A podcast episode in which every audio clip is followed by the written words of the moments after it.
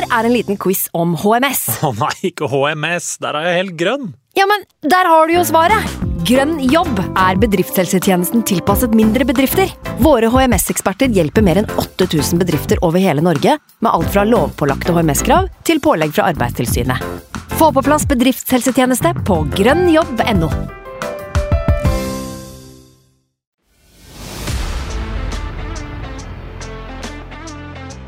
When I lose a duel, I'm upset. When I lose the small side game, I'm upset. Because that's the fucking standard. Martin Odegaard it into the bottom corner. And Arsenal are dreaming.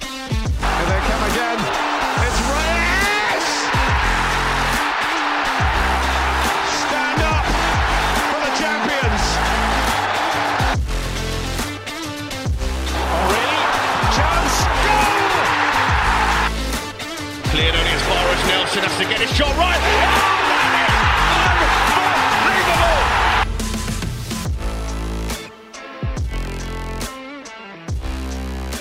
God landslagspause ønskes fra Arsenal Station Pod.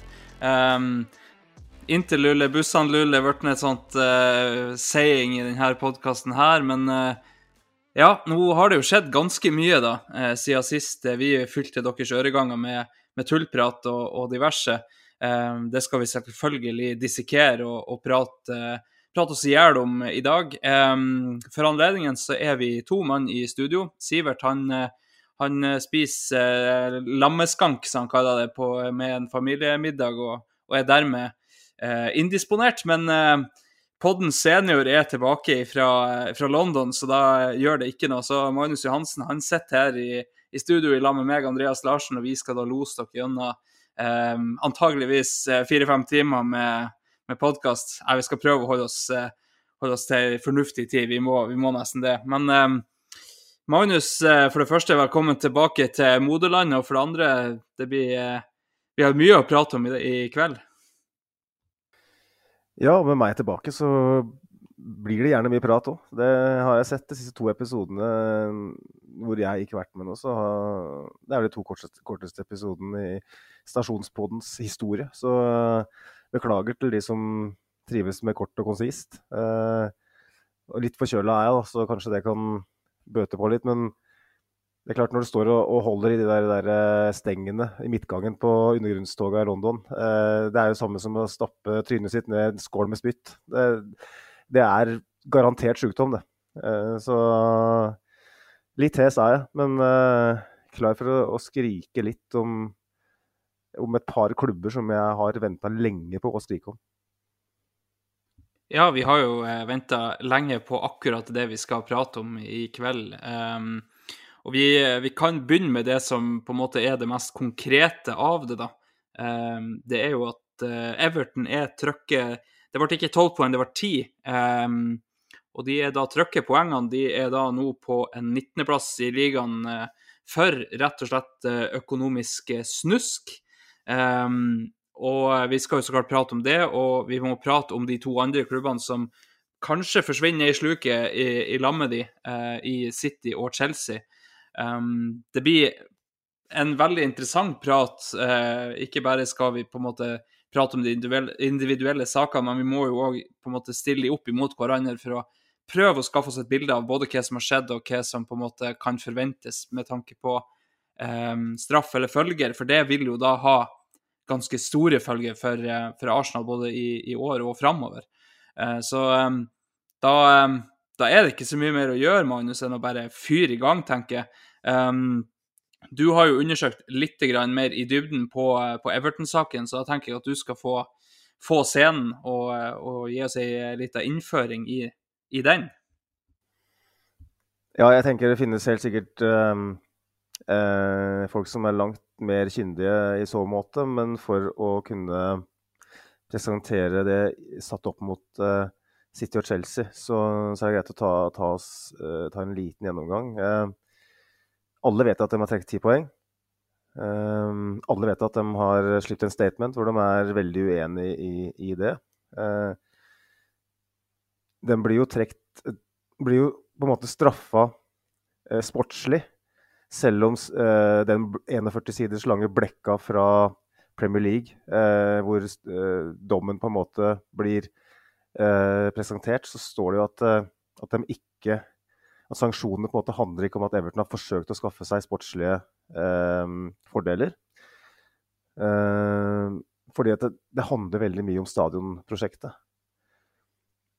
De har jo et lån til han eh, eieren, Farad Moshiri, som for så vidt har finansiert den, eh, den, butikken. Og mye av årsaken til at de har eh, gått 20 millioner pund cirka over den limiten som er lov å ta opp i løpet av tre, tre år, det er fordi at pga. rente, rett og slett, eh, til den, den, stadion. Fordi at i utgangspunktet så betaler de vel ikke store avdragene, men det, det, det er renter her som gjør at Som har åpenbart også har blitt heftigere med, med verdenssituasjonen.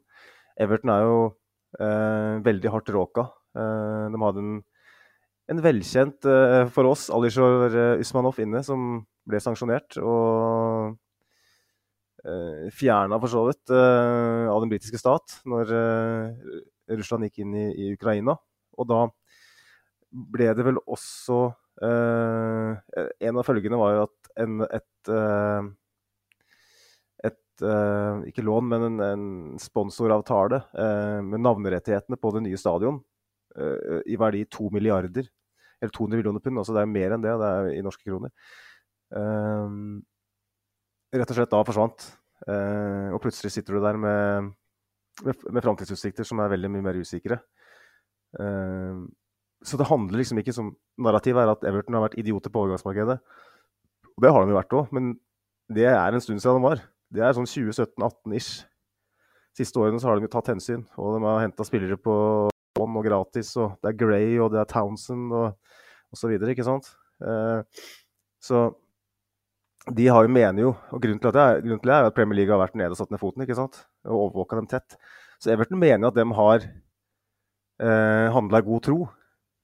Men ytre faktorer, eh, spesielt da både pandemi og, og um, krigen i Ukraina har gjort at de har blitt veldig hardt råka av det her.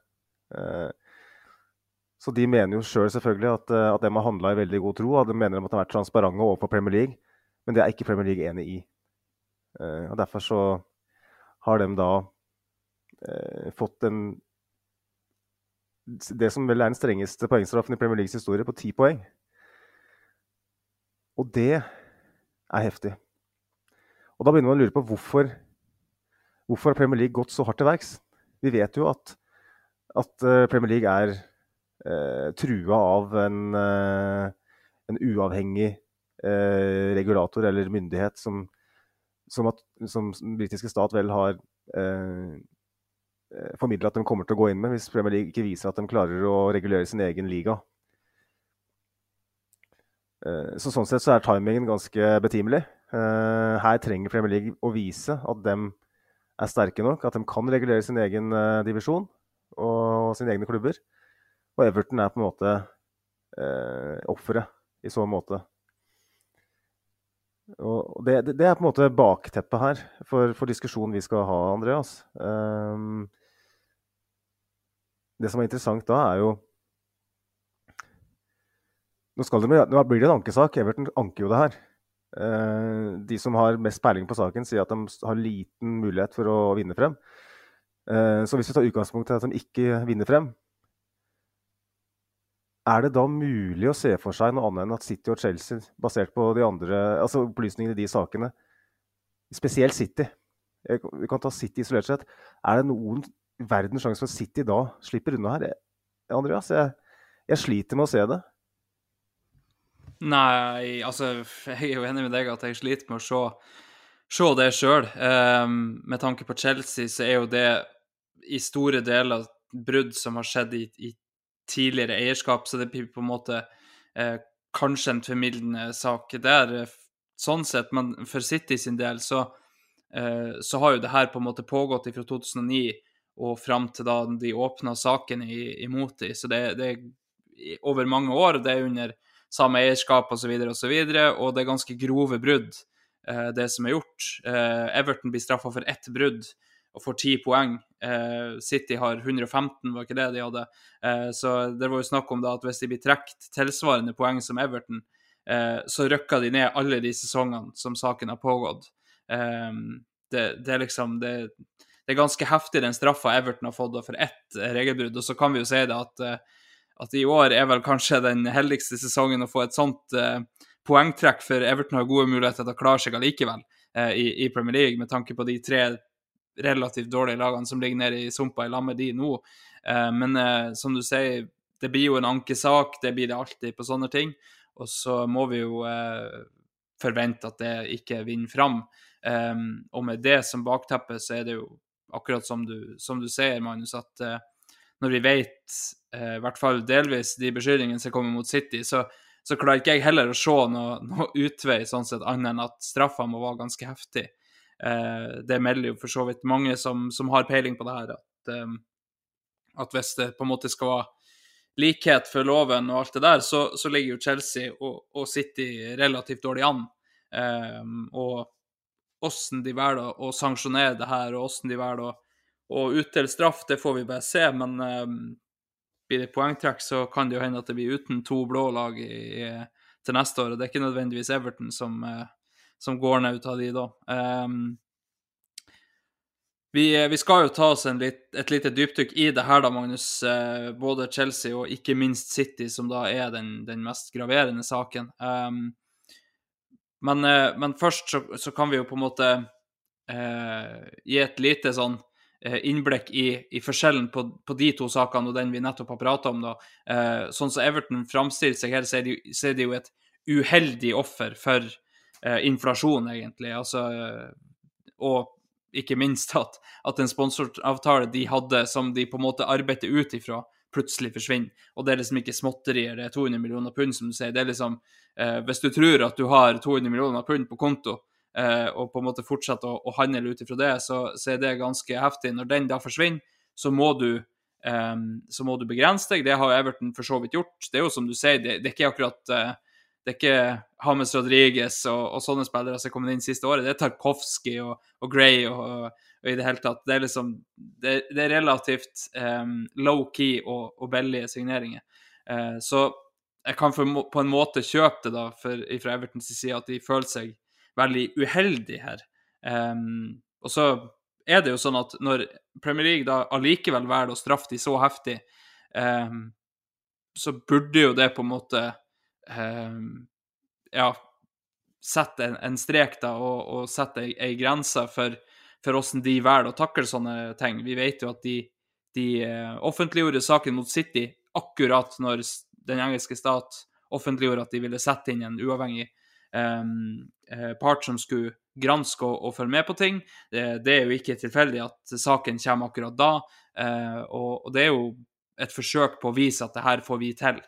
Um, så er jo spørsmålet da, Magnus um, City og Chelsea-saken. Um, nå, uh, nå, har jeg bedre kjennskap på City-saken enn Chelsea-saken, så uh, hvis du har noe på en måte um, mer kunnskap der, så hadde det vært fint å, å tatt oss gjennom det før vi starta eh, og, og la kulene og hodene rulle her. Ja, altså, jeg tenker liksom Først, før jeg går løs, for jeg kan ta Chelsea, for den har jeg gjort litt research på nå. Eh, men sånn Det minner meg lite grann om en, uh, en spesiell sak fra en uh, eh, 15 års tid tilbake. Som de fleste som hører på, iallfall de som er over 25, husker ganske godt. når Eduardo eh, filma, eller ikke filma, mot Celtic i, i Champions League-kvaliken. 2008 var det vel. Så ble det jo et ramaskrik helt uten like. Eh, og det gikk så langt sånn at, at narrativene ble, ble spennende så ut av kontroll i, i pressen at, at, da var det vel Uefa, jeg husker ikke ennå, det må nesten ha vært det, uh, som da bestemte seg for at nei, vi skal retrospektivt gå inn og gi Eduardo to kampers utestengelse. Og da åpner du noe som vi kaller på folkemunne et ormebol. Og det ormebolet det stengte de ganske kjapt igjen når de skjønte eh, hvilke konsekvenser det ville få. Eh, fordi at hvis man begynner med det Altså på det tidspunktet der, det er jo før VAR, åpenbart, lenge før VAR, så, så ville jo eh, Ashley Young og Deli Alli og de gutta der eh, stort sett stått over annenhver runde. Eh, og eh, det er det jeg er liksom litt nysgjerrig på, da. fordi at jeg føler at det de gjør, er å åpne et ormebol. Eh, det, jo, det hører med til historien at eh, Burnley, Leeds og én klubb til er det vel, også saksøker Everton for for Det er 300 Leicester. Det er de eh, klubbene som har røkka ned nå i det siste. Ja, det er flere som Ja, det er noen av de som rykka ned i fjor, og noen som rykka ned året før, kanskje. Ja. Uh, og det som da sies, er at hvis de når frem i sin, sitt søksmål, så er det ytterligere ni poeng og eh, et Everton i administrasjon. Så da er det takk og farvel til stadion og hele pakka. Jeg tror ikke det er noe mulighet for å nå fram, basert på det faktum at, eh, at eh, dommen inneholder det sentrale punktet. At Everton har ikke forsøkt selv å skaffe seg sportslige fordeler. Men si, eh, i en verden hvor det skjer, da, at de egentlig kjører Everton rett i dass. Eh, og så skal man ta med City og Chelsea. Og proporsjonalt sett, hvis man skal gjøre det riktig, så skal jo de og flere divisjoner ned. Faktisk. Eh, og da begynner man å fjerne sentrale brikker i et produkt som Premier League er avhengig av. Sånn at jeg er jo litt spent på om de på en måte har tenkt godt nok gjennom det her. Selv om jeg er veldig tydelig selv på hva jeg mener er riktig. Det er jo flere klubber òg som er under mikroskopet. Du har Nottingham Forest, du har Leicester også, som er under mikroskopet. Eh, Jeg vet at Arsenal også var eh, nevnt for eh, noen måneder siden, men jeg tror vi har ridd av den greit. Og vi vet jo også at vi hadde Raoul Sané som direktør i to-tre sesonger. Så hva som foregikk der, en Saliba-deal f.eks., hvem vet? Så man må være litt forsiktig med å juble her. For det, hvis man skal gå så hardt til verks som, det- som de gjør nå, så, så åpner det for eh, voldsomt mye sanksjonering. Eh, jeg er for det i utgangspunktet, men jeg er usikker på om Premier League selv eh, De har helt sikkert tenkt gjennom det her, men hvis det finnes en mulighet til å backtracke når de på en måte aner omfanget av det, så, så kanskje. Men jeg syns det er uhyre interessant. Eh, det er eh, en eplekjekkhet og en cockiness her fra Premier League som, som tyder på at eh, det, det driter om det, du heter Everton eller City eller hva faen du heter, liksom. Everton er ikke en, er ikke en liten klubb. da. Må huske på at Everton er den klubben som har flere sesonger i den øverste divisjonen i engelsk fotball. Det er en klubb som skal nå har utvikla et byområde i Liverpool for å bygge en kjempestor, ny, fin stadion. Det fineste stadion i England blir jo. Det nyeste, ikke sant. Så det er ikke, det er ikke enkelt å ta Everton heller. Uh, selv om det er mer komplisert å ta City og, og, og Chelsea. Uh, så det, det er spennende. Og vi kan jo ta Chelsea, da. Fordi at den saken er veldig annerledes. For det handler om ting som skjedde for en god stund tilbake. Uh, det blir jo litt sånn eh, Det er ikke vår jobb å informere her, men vi må ha med konteksten for å, for å kunne prate om det etterpå. Eh, det handler jo rett og slett om at eh, Abramovic eh, og hans entourage da betalte summer til agenter og andre fotballpersonligheter gjennom et kypriotisk offshoreselskap. Eh, mulig det er flere offshoreselskap eh, offshoreselskap i flere land også, men sånn i hovedsak på Kypros. Eh, og blant annet på overgangen til Eden Hazard til Arsenal i, Nei, til Chelsea, da, åpenbart. Eh, Det ble jo ikke sånn eh, som vi håpa. Eh, og da ha, Det er vel agenten eh, som selv na, la ned veto om at Hazard skulle gå til Arsenal, for Hazard ville til Arsenal. Familien hans ville at han skulle gå til Arsenal. Men agenten hans la ned veto og sa at du skal til Chelsea. Eh, og så viser det seg at, at 6,1 millioner pund er betalt da til den agenten fra eh, et uh, selskap som eies av Abramovic. Åpenbart ikke tilfeldig. Eh, og potensielt, i mine øyne, en game changer for Arsenal som vi går glipp av. Vi henter Gervinho i stedet, bare for å ta, male et bilde fra samme klubb, Lill. Uh, når man på en måte utgangspunktet er underlegen eh, økonomisk. Man, man, har ikke den eh, kapitalen, man har ikke den gravitasen som Chelsea har på det tidspunktet. Også, men man har på en måte et, et renommé som klubb. Man har utvikla unge spillere. Det er dit man går som offensiv spiller for å utvikle seg videre og ta det neste steget. Men så sitter det da en, en, en russisk oligark i, i Vest-London og, og, betaler folk under bordet. Og langt på nær vinner titler pga. det. Uh, bare den ene signeringen alene. Eden Hazard var den beste spilleren til Chelsea i flere år. Uh, og du har i tillegg Samuel To og William fra Anshi Makashkala. Uh, hvor vel to ulike personer mottar 12 millioner euro. litt samme prosedyre som Eden Hazard. 24 millioner. Jeg vet jo at William var på medisinstest i Tottenham. Han satt med fyllepennen og skulle signere. og så plutselig så bare stikker han av uten å si noe som helst. Eh, og så har vi sagt at ja, men det er fordi Tottenham er en drittklubb. Eh, men det kan nok hende at han har fått høre at eh, her, her vanker det litt ekstra grunker hvis du stikker litt vestover, sørover. Og så må vi bare ane, Andreas, at det her er jo bare, garantert bare toppen av isfjellet. Dette, er ikke, dette er bare de spillerne vi kjenner til det her har skjedd med. Men det her har helt sikkert skjedd med utrolig mange spillere. Og det har gitt Chelsea muligheten til å bygge seg opp. Eh, og bli da en maktfaktor. Vinne to eh, Champions League-titler. Er det, det, laget som vinner mest i engelsk fotball siden årtusenskiftet, så vidt jeg er bekjent. Og det er ikke bare har det skjedd på russiske blodpenger, som de har tilfeldigvis det er gullgryte de har snubla over. I tillegg så har de juksa. Eh, det, det, tror jeg vel vi kunne ha ant, hvis vi hadde stilt oss det, det spørsmålet sånn innerst inne. Tror du Chelsea har gjort alt etter boka under Adamic? Nei, jeg tror ikke det. altså. Det er jævlig usannsynlig at de har gjort det etter boka. Men så lenge det ikke foreligger noe bevis for det, så må vi på en måte bare akseptere det. Eh, men nå er det jo Og det er litt det som blir interessant for meg, da. For det her har jo åpenbart Chelsea forsøkt å skjule. I, i, altså, I motsetning til Everton, som er skjødesløst min, altså, mindre smart, for all del. Det er juks fordi at de ikke helt uh, klarte å bremse i tide. Uh, men Chelsea det er kalkulert og kynisk. Uh, og en av de mest sentrale faktorene i de i saken her, som Premier League vektlegger veldig, og som kanskje er den viktigste årsaken til at Everton faktisk blir straffa, er at Premier League tolker det dit hen at Everton ikke har handla i god tro. Chelsea har jo rett og slett forsøkt å skjule den aktiviteten her. Eh, og, og, har skjult den aktiviteten her. Så hvis, hvis det er kriteriet Så klart, nå har ikke dem, har ikke dem på en måte brutt financial fair play i den forstand, eh, på den klassiske måten som Everton har gjort.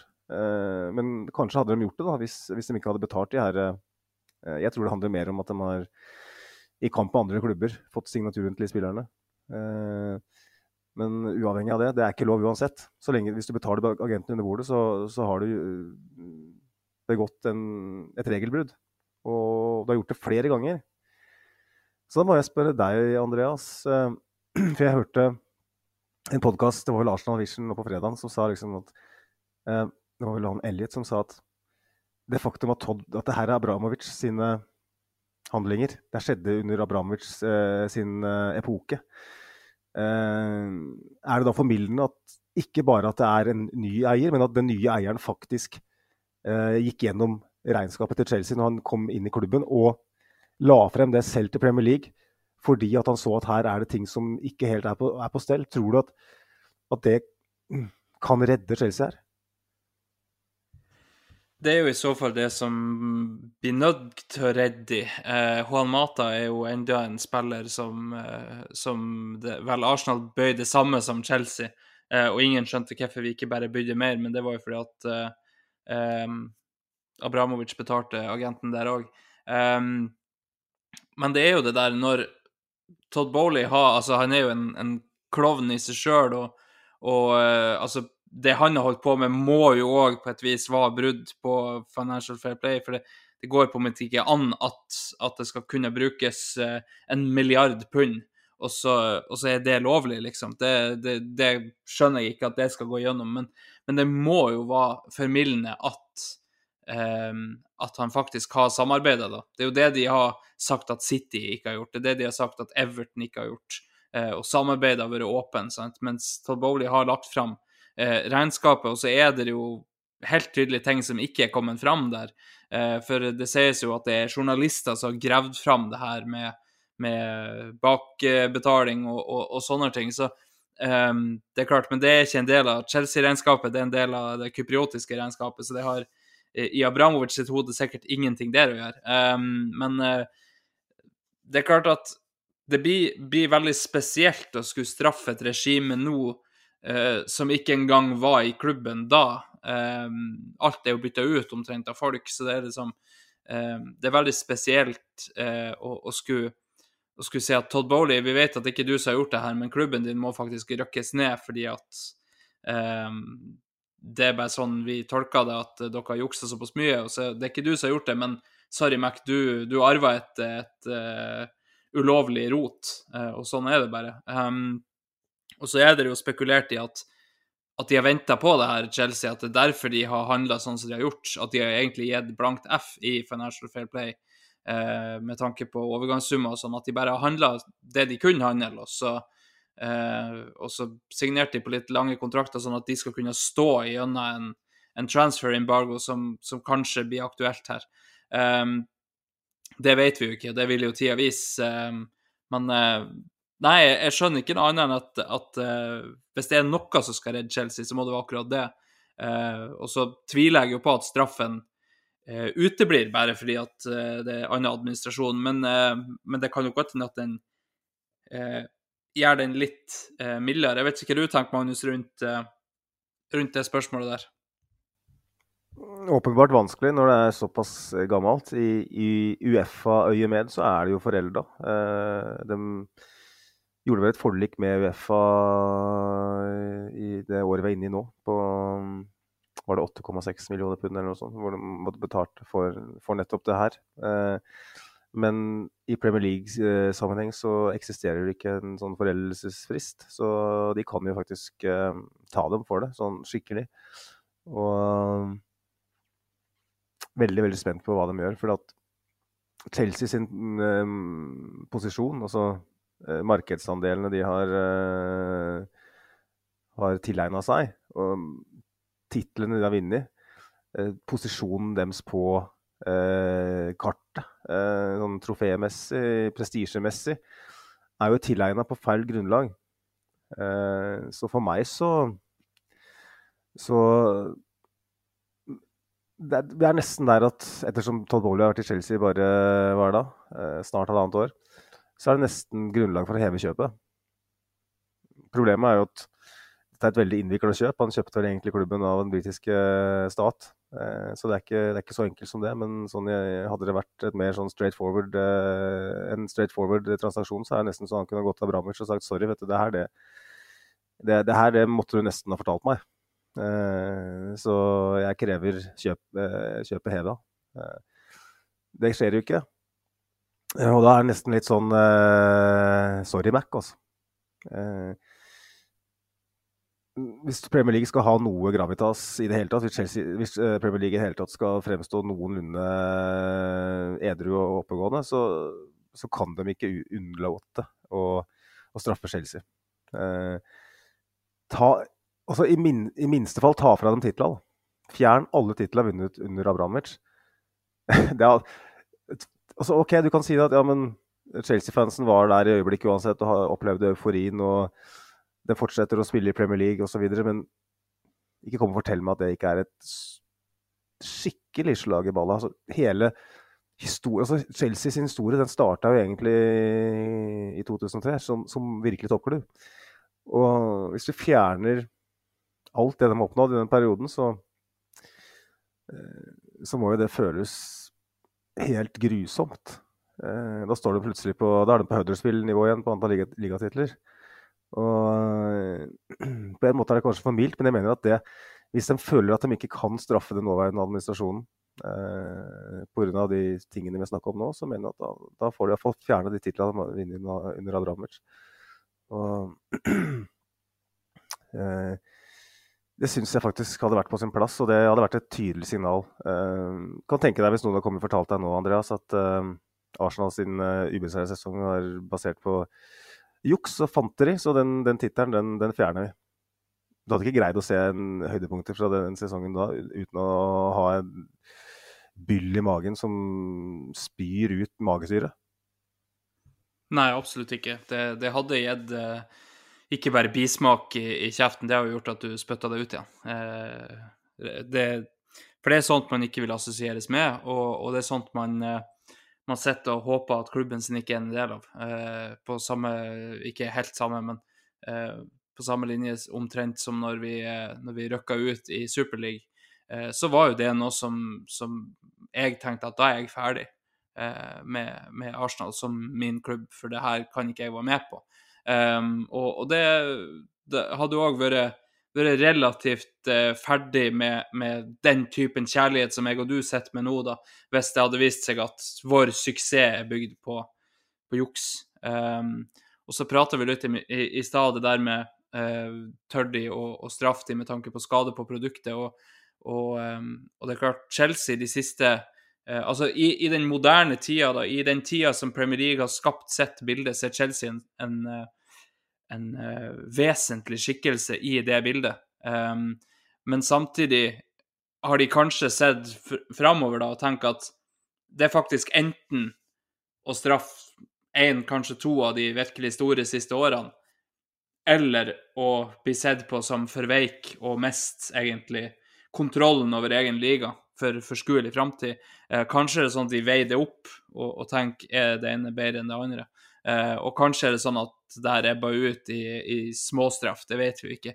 Men, eh, men, jeg er jo helt enig med deg at, eh, at et minimum, når du, når du, ser den perioden den, det jukset her har foregått, se de trofeene de har vunnet på den tida, sorry, Mac, det er sletta. Um, for den perioden her er bygd på juks, da stryker vi den fra historieboka.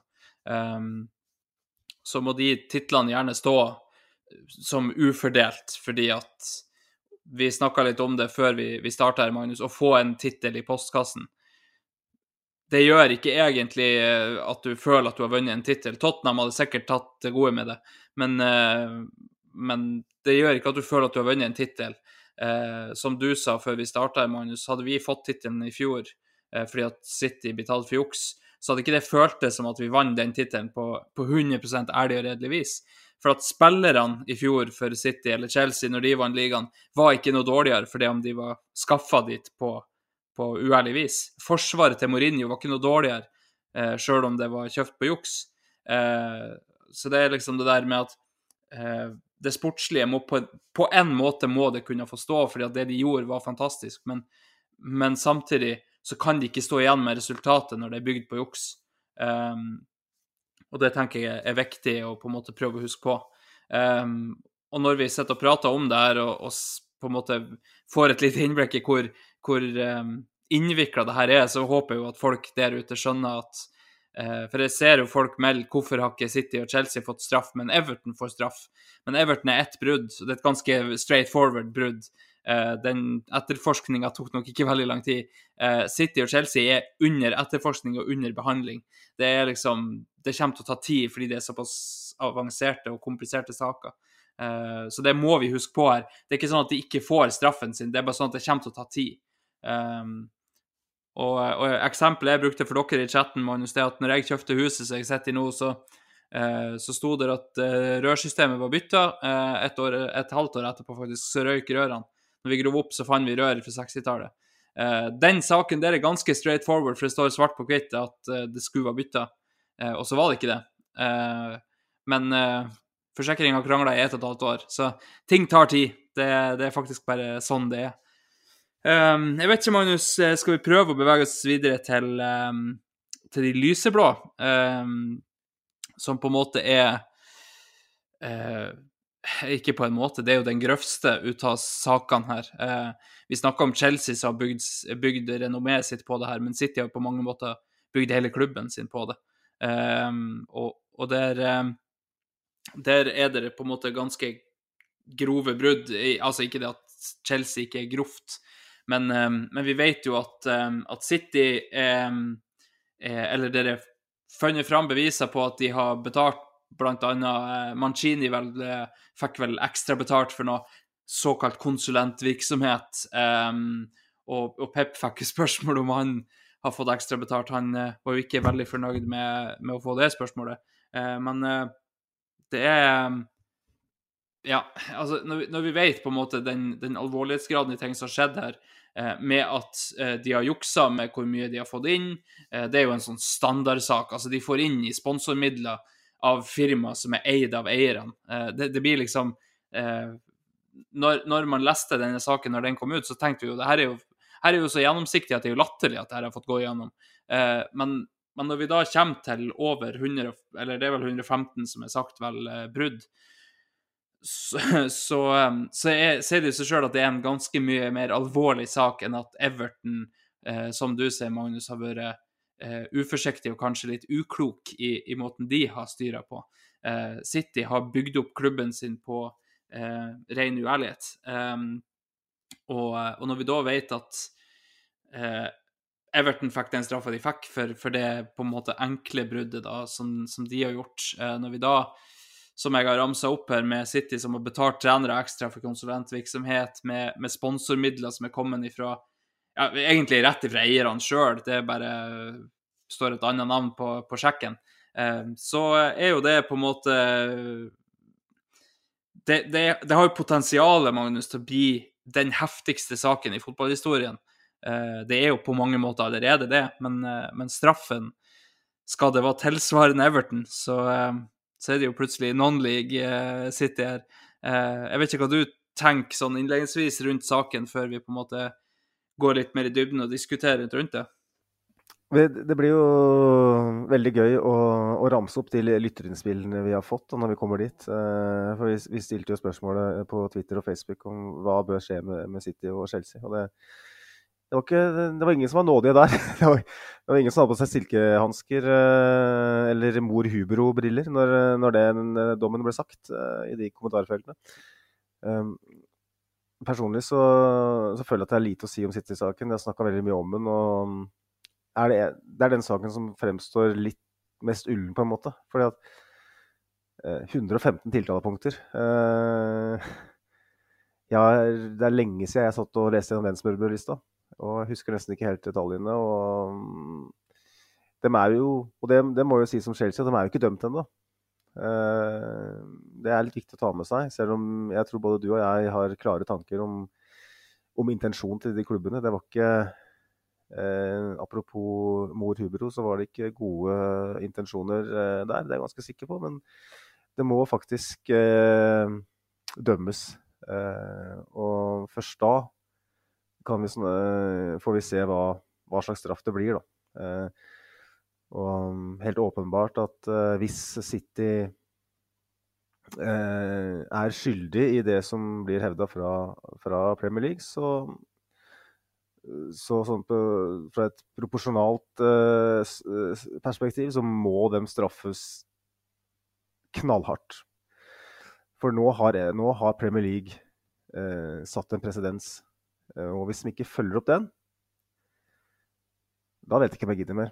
Da mener jeg at da kan de ta en telefon til Florentino og Laporta og de gutta der og si at vet du hva, kanskje vi skal ta en ny prat om den Superleague-greia, og så kan vi diskutere exit-strategien her via kjøkkenveien, eller hvordan, hvordan, vi kommer oss ut. For Hvis det er sånn at de kan straffe Everton, men ikke straffe Manchester City eh, for lignende ish eh, lovbrudd, verre lovbrudd kanskje, i Citys eh, Det er snakk om økonomisk utroskap, på sett og vis. Så, så, da er Premier League ferdig. Da, da, da, okay, på en måte så kan du si at da kommer den derre det nye uavhengige organet inn da, og kanskje tar over. Men for meg så er det da er det natta. Da, da, da, man, da, mener jeg da Da håper jeg nesten det blir Superleague. Så kan vi finne på noe annet. Kan vi finne på noe annet enn å se fotball. Eh, vi kan se fotball, da, men vi kan se, se noe annet enn Premier League. da, Og Superleague det gidder jeg helst ikke. Så får vi se hvor uh, tøff jeg er i trynet når vi kommer dit. Eh, men for meg så er det litt sånn Premier Leagues uh, pumpende hjerte uh, står litt på spill her. Dette her er så utrolig viktig at jeg tror ikke folk ikke, ikke alle folk helt forstår omfanget av det her. hva en eventuell uh, forskjellsbehandling her vil gjøre med troverdigheten og produktet. Det det er, liksom, det er allerede store ulikheter og skjevheter. Eh, det er klasseskiller eh, på nivå med eh, det konservative England, opp å si. Altså det er, det er allerede ganske skakkjørt, men det her er så stort og overskygger nesten alt, syns jeg. da. At hvis City får gå fri, hvis det hvis på en måte sitter på de kalde fakta, og det er det vi tror, så Hvis det på en måte kan sno seg unna på, med noe dy, litt uh, lord panic og den gjengen der, så da mister jeg trua. Helt fullstendig. Og derfor så Og det tror jeg Premier League innser òg, for det er og det må vi huske på, det er Premier League som kjører saken også mot Manchester City. For det er så utrolig mange eh, på sosiale medier som har mange følgere og alt det som, som ikke gidder å lese. Som ikke gidder å lese artikler og høre på podkaster og sette seg ordentlig inn i ting. Eh, som sier at ja, Premier League straffer aldri City, for at City er så viktig for produk produktet. ikke sant? Det er Haaland og De Bruyne og, og Pep Guardiola og alt det der. Men det er faktisk Premier League som kjører den saken, altså.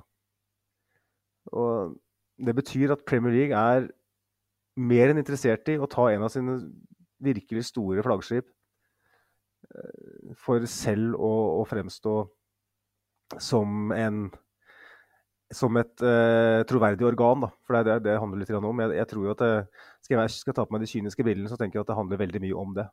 Uh, for det er klart at de som jobber i, i Premier League, og som er, sitter i ledelsen i Premier League, og tenker på seg sjøl, som alle andre gjør, uh, tenker jo at vår måte å overleve på her og, få, og bevare våre uh, roller, er jo nettopp det. At vi, vi må faktisk ta de tøffe avgjørelsene. Så jeg er litt optimist, faktisk. Uh, samtidig som jeg også er veldig pessimist og har en bitte liten flik i hjernebarken her som forteller meg at det her kan, det her kan faktisk bli ganske så stygt. så da kan vi jo kanskje ta en prat om hva, hva som kommer til å skje, da, hva vi tror. Og jeg vet vi skal ta lytterinnspillene først. Da. Uh, jeg venta lenge nå, venta 40 minutter på at du skal slippe til lytterne her. Uh, ja, men det tenker jeg er en god idé. Har du noen foran deg, eller? Jeg har, jeg bare... Jeg har uh, framme meg her, ja. Skal vi se uh, Hvis jeg bare går inn på min kjære Ikke Twitter, for det heter det jo ikke lenger, men, men X. Da tar, jeg, da tar jeg Facebook. Jeg har Twitteren. Jeg ja, det, det, det, vi kan fordele sånn. Eh, vi kan jo begynne med Knut Erik Bjørklund, da, som eh, etter Knut Erik eh, Cohen, som sier at tvangssalg av hele laget og kun lov til å spille med akademispillere de neste ti årene, det er jo i hvert fall ikke nådig. Det, det er i så fall en ganske heftig straff. Det er jo, vil jeg jo tro, er relativt usannsynlig, men det har vært veldig gøy. Magnus Indridason på, på Magindr, som som sier at hvis vi skal eh, ta utgangspunkt i straffen til Everton, så bør City og Chelsea fratas titlene de siste året og bli tvangsflyttet ned i National League. Um, hvor realistisk tror du det er at de kommer til å bli straffet skikkelig? De kommer jo til å det kommer til å undergrave Premier League for alltid.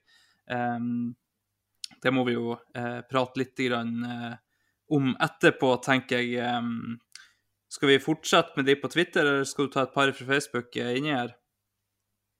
Jeg har jo et par uh, litt sånn uh, Hvor det er litt kontraster her, kan du si. da, Litt ulike perspektiver. Uh, Jon Helge Aas skriver at eierne bør fradømmes muligheten til å eie en Premier League-klubb i framtida. Klubbene bør miste de trofeene de har vunnet i denne perioden de ble dømt for. Noe mindre bør det ikke være. Og akkurat når det gjelder Chelsea, så syns jeg den er veldig aktuell. Det var vel det vi snakka litt om. at Abramovic skal eie en klubb igjen, er vel usannsynlig. men signaleffekten er, jo, er jo, der. Um, så har du Svein Skaret, Dial, som vi kjenner den som, uh, som driver uh, arsenalfans.no, er ikke det heter? Ny side deres. Uh, beklager seg hvis jeg sa det feil. jeg leser jo til og med på sida. Men han skriver 'Cash is king', Premier League og FA er avhengig av City og Chelsea. så han er litt sånn som jeg kjenner Svein. Vi har jo av og til noen utvekslinger på DM òg, så jeg forventer egentlig den fra han. Og han, er, han ser kynismen, og det er det veldig mange som gjør. Eh, Stein Erik Gjermstad han er eh, på, sitter på andre sida av bordet og skriver 'få driten vekk fra Premier League og send dem ned tre divisjoner'. Eller han er for så vidt ikke det. Han sier at han, det kommer aldri til å skje. Han skriver at han frykter poengtrekk, slik at de kan titulere seg som egentlige vinnere.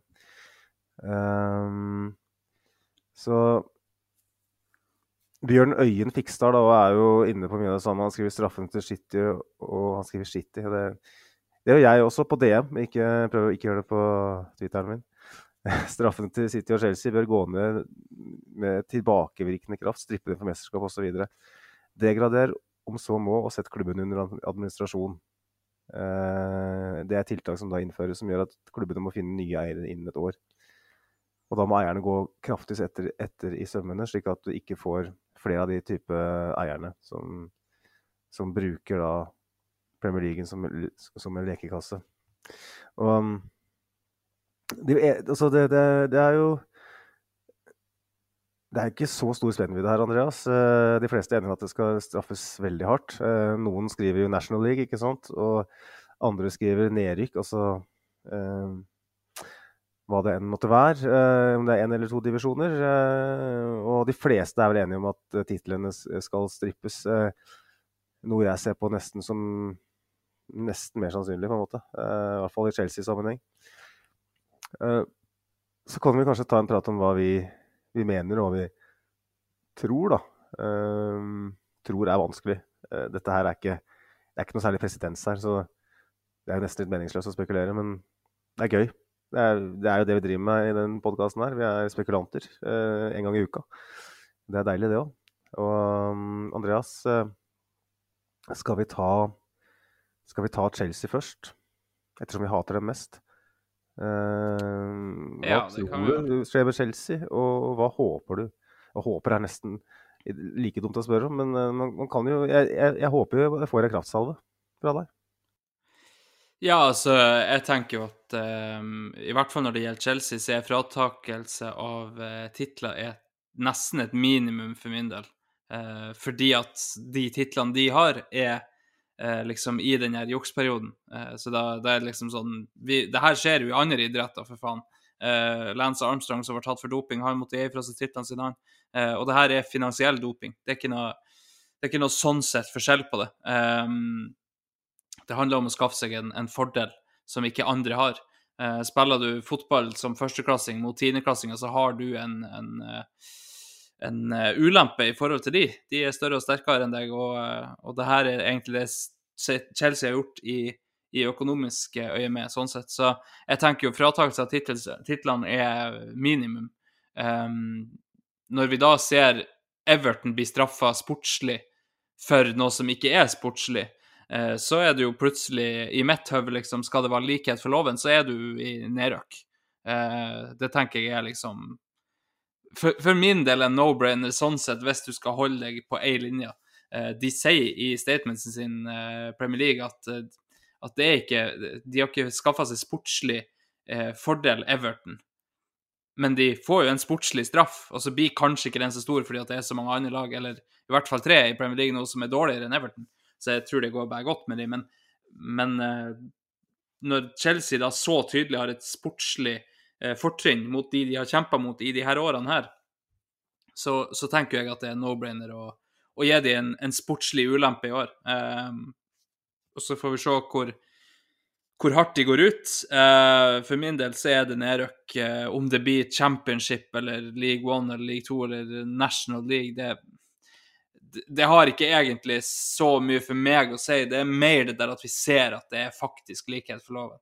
Eh, så um, for min del, nedrøk er og er, eh, har vært veldig, veldig greit. Men eh, fratakelse av titler føler jeg både er sannsynlig og ikke minst et minstekrav ifra min del. Eh, vet ikke du tenker, Magnus?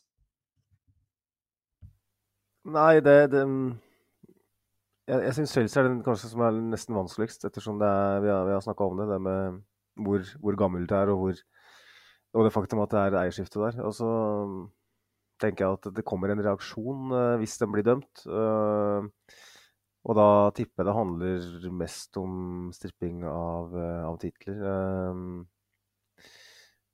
Men eh, jeg håper jo, og jeg mener jo sånn personlig, at, eh, at Chelsea som på en måte har De er jo tatt for andre ting.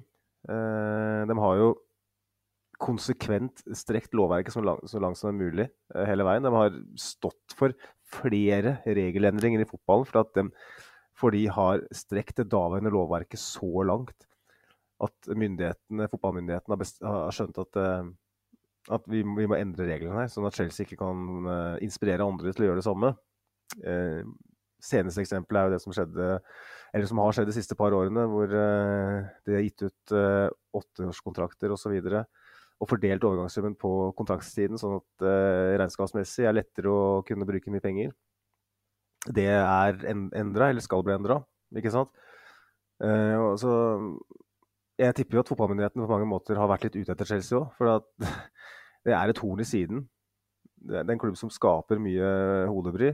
Og de har på en måte ja, De har utfordra eliten så til de grader uten å bygge merkevare, uten til å bli en sånn viktig del av produktet. Sånn at uh, jeg, jeg, mener, jeg, mener, jo Chelsea bør uh, straffes med i alle fall uh, Ja, enten et kjempepoengtrekk som gjør at de rykker ned, eller at de bare blir flytta ned. så får vi se hvordan det er. Jeg er litt sånn fra, med et glimt i øyet så sier jeg at hvorfor ikke gi dem der man sitter 200 poeng i minus begge to, men at, ikke, at, uten at de rykker ned, sånn at de må spille to sesonger og vite at de kommer til å rykke der. Så det går tre, du må vente to år på å komme i gang. Eh, tenk, tenk, for en skam å rykke ned til championship og vite at du har rykka ned eh, før sesongen starter. Reise til, eh, reise til Preston og, og Doncaster, holdt på å si. Jeg vet ikke om de er i championship engang. men og vite at du rykka ned, eh, da tenker jeg at da, da har dem eh, Da har du vært litt sadist, og det mener jeg iallfall i Chelsea-sammenheng, for Chelsea er sadister. Eh, så for meg så hadde det vært eh, gull. Ja, men jeg tenker det høres, høres ikke dumt ut, det. Eh, det har vært veldig, veldig gøy å, å følge på Emirates og, og visste det at Ja, ah, stemmer det. De, de, tar imot Portsmouth i denne uka. og det er egentlig ikke så nøye åssen det går med de, for de skal jo ned i år òg uansett. Så det, det har, jo, har, jo, vært en egen slags uh, syk glede i det. Um, men da har vi for så vidt uttalt oss om, uh, om våre blå naboer. Da skal vi til de som er litt lenger nord. Um, hva vi tror som skjer med City. Uh, den saken er jo det, det, er såpass stort omfang i det her, og så skal ikke vi sitte her og påstå at vi er verken juseksperter eller, eh, eller økonomiske eksperter eller noen ting. Eh, det er ingen av oss som sitter på aksjeporteføljer à la, Solberg. Men eh, vi, vi, må jo på en måte synes litt, for det er jobben vår, Magnus. Når det gjelder City, så tenker jeg du skal få lov å gå først, siden jeg starta med, med, Chelsea. Så må du bare ja, ikke være nådig, for det gidder jo ikke eh, noen av de i, i lytterskaren vår, så det er ikke noen grunn til at vi heller skal være det. Nei, det her er jo på en måte noe som er ganske ferskt. Ehm, det er vel ikke Det gjelder vel utgangspunktet ikke de siste par sesongene, men fram til Jeg husker ikke om det var 2019 eller hva det var. Igjen, det er den saken jeg ikke har rekke gjort noe research på i, i dag. Men det er jo de eierne som sitter der i dag. Eh, det er eh, Altså hvis, hvis det her stemmer, at de har kamuflert eh, sponsormidler på den måten og pumpa inn mer penger fra eierne for å gi dem større kapital, større omsetning. Og så bare se på det, rekord, det rekordomsetningen de viste til nå denne uka her, hvor, hvor de nå satt vel Premier League-rekord på omsetning. Eh, og det er jo ja, like troverdig som Martin Skanke som Frp-politiker, liksom. Det er, det er bare å drite i. Det er ingen som tror på deg. Og det her er systematisk, potensielt systematisk eh, juks gjennom mange, mange år eh, av et sånt kaliber som gjør at hvis Premier League når fram, som er høyst usikkert, Eh, så tror jeg faktisk at de straffes knallhardt.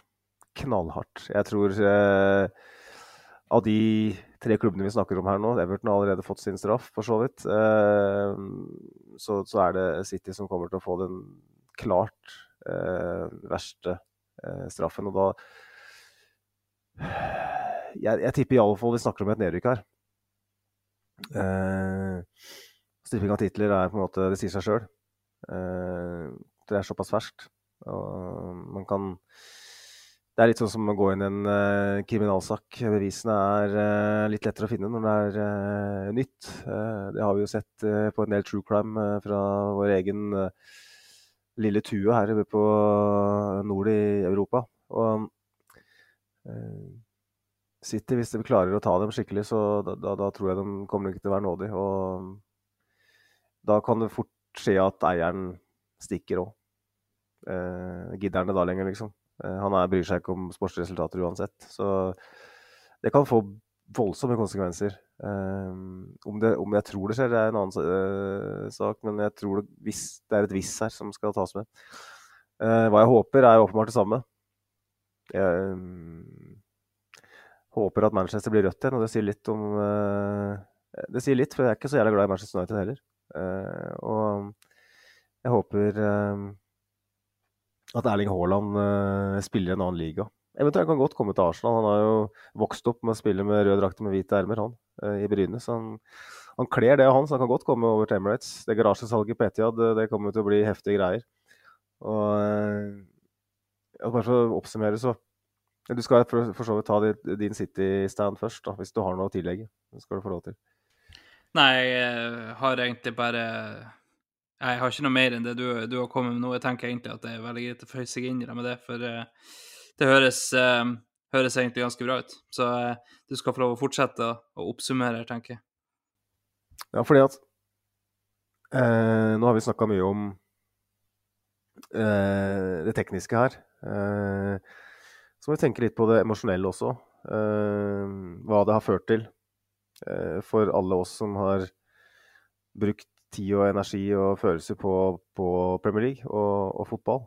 Eh, siden 2003, når Abramovic eh, kom inn i Chelsea. Jeg husker jo det veldig godt. Eh, og i den perioden så, så har vel eh, City og Chelsea vunnet Er det 12 av de siste 19 eh, Premier League-titlene?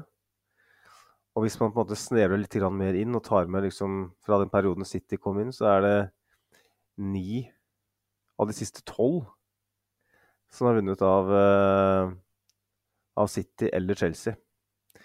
Så det er jo nesten alt. Uh, det er to tiår her hvor millioner av mennesker har blitt ført bak lyset. 19 år hvor kommersielle inntekter og merkevarebygging har blitt tufta på illegal økonomisk doping, som Wenger ville kalt det to tiår hvor konkurrerende klubber ikke har fått sin del av kaka.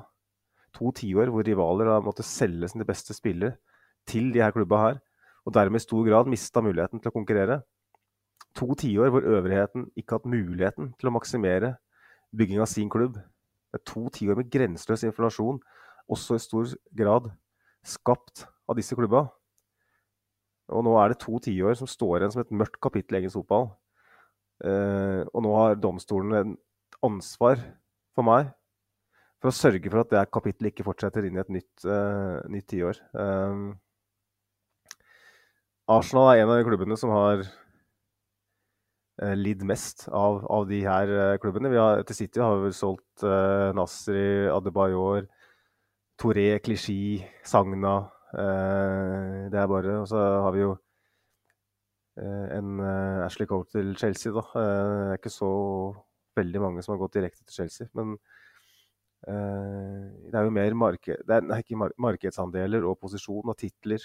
Alt som det var stikket av med alle Champions League-plassene, som Aston Villa, Everton, Tottenham også, eh, har gått glipp av. Eh, alle mulighetene til Jeg syns Aston Villa og Everton har vel en del femteplasser. Eh, alle de gangene de hadde muligheten til å virkelig bygge videre. Jeg husker storlaget til Martin O'Neill på rundt 2008, var det vel. Hvor du hadde Ashley Young, Agbon Lahore, Gareth Barry um, Den gjengen der. Jeg havner da på femteplass bak Arsenal denne sesongen, husker jeg veldig godt. eh, Hvor vi måtte ta Vi lå vel sju-åtte poeng bak dem i januar. Henta Arshavin, og historien den kjenner vi.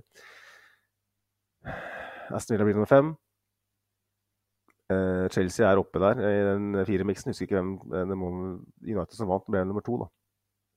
Eh, si Martin O'Neill hadde fått lov til å bygge videre på det laget der i Champions League.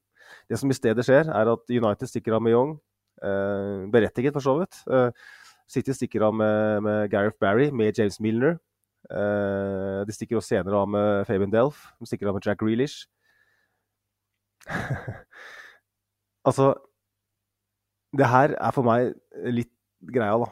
Eh, det, er, det er ikke bare Arsenal. Vi skal ikke bare ha på oss våre egne briller nå, som er like tjukke som et ølglass på Oktoberfestivalen i München. Eh, vi, må, vi, må, vi, må, vi må tenke hva, hva har det ført til for andre også. Klubb som Aston Villa er et godt eksempel. da. Jeg sier ikke at Randy Lerner, som var eier på den tida, hadde gjort alt riktig, men den muligheten til å komme inn i det evige selskap på den tida var så viktig. da. Det var så utrolig mye å si hvis du klarte den topp fire. Det er mye viktigere enn det er i dag, på mange måter. Fordi at Premier League var på en måte ikke der alle penga var. Eh, nå, nå, er det jo mer penger i Premier League enn i Champions League, men den gangen så var Champions League en sånn mulighet til å liksom ta steget videre. For store klubber som Everton og Aston Villa så, så, kunne det betydd at de kunne ha gjort noe av det Arsenal og Liverpool etter hvert har gjort. Eh, og på en måte etablert seg inni den miksen. Men så står det noen i veien som har juksa, som gjør at, at et Aston Villa og et Everton på en måte spinner ut av kontroll, mister de beste spillerne sine år etter år. Aldri får bygd videre på ting. Det er graverende. Det er veldig graverende. Og for meg så, så er det det viktigste her. Eh, alt måte, all, all, all, den gleden som har blitt fratatt andre for at de selv skal uh, pusse leketøya sine. Det er kvalmt, og det er ille. Og, uh, og så er det en litt gledens dag, Andreas. Eh, fordi at Og det, det er litt, litt, litt, ironisk, da, for det kommer ikke til å skje noe med verken City eller Chelsea med aller første. Men Everton-saken har på en måte gjort ting veldig aktuelt igjen. Men det er en gledens dag, for at det viser at Premier League er villig til å, å, å gå i strupen. Villig til å, å følge Financial Fair Play-reglene til punkt og prikke og si at hvis du bryter dem, sorry, da er det trøbbel. Hvis City og Chelsea har gjort det samme, så skal de sammen se med dem. Da skal de straffes proporsjonalt ut ifra det de har gjort. Og da, gå, da vil jeg på en måte ta en telefon til mitt yngre jeg, som sto på puber både inn- og utland og ropte eh, etter korrupsjon og Eh, både det ene og det andre. Eh, og følte meg litt sånn som man gjør i barnehagen, men følte seg skikkelig urettferdig behandla som menneske. Og det her er fotball, jeg vet det, men akkurat i kampens hete føler jeg at det her er så urettferdig. Det er, det er, noe feil her. Jeg vet ikke, jeg kan ikke bevise at det er noen som har gjort noe ulovlig her, men det føles feil. At det er Chelsea spesielt som skal holde på sånn. Det føles feil at City bare skal komme inn på den måten hvor kjøpe seg inn i det gode selskap og, og, og stikke av de beste spillerne til de andre toppklubbene. Og det føltes feil at, at Barcelona eh, og Camp Nou fikk van Persie utvist på, i Champions League, i den kampen vi alle husker. Og så har jo det også kommet fram i ettertid at Barcelona har kjøpt og betalt dommerne. Så alle de tankene vi gikk rundt med, all den urettferdigheten vi kjente på, den magefølelsen vi hadde den gangen Det virker som den stemte litt, da. Var, det, var ikke, det var ikke banter years og cry more og specialist in failure og alt det der som vi fikk labela hele veien. At vi er sjalu og at vi er soft underbellies og alt som ble kasta etter Wenger og Arsenal så lenge. Noe av det med rette, for all del. Men det Wenger har snakka om, om økonomisk doping, om eh, ulike konkurransefortrinn som ikke er berettiget. Alt det han messa med så mange år, som mange latterliggjorde han for. Alt han ble kalt, spesielt av andre, men også av oss Arsenal-supportere. For meg så er det litt sånn godt å kjenne på at det var ikke meninga heller.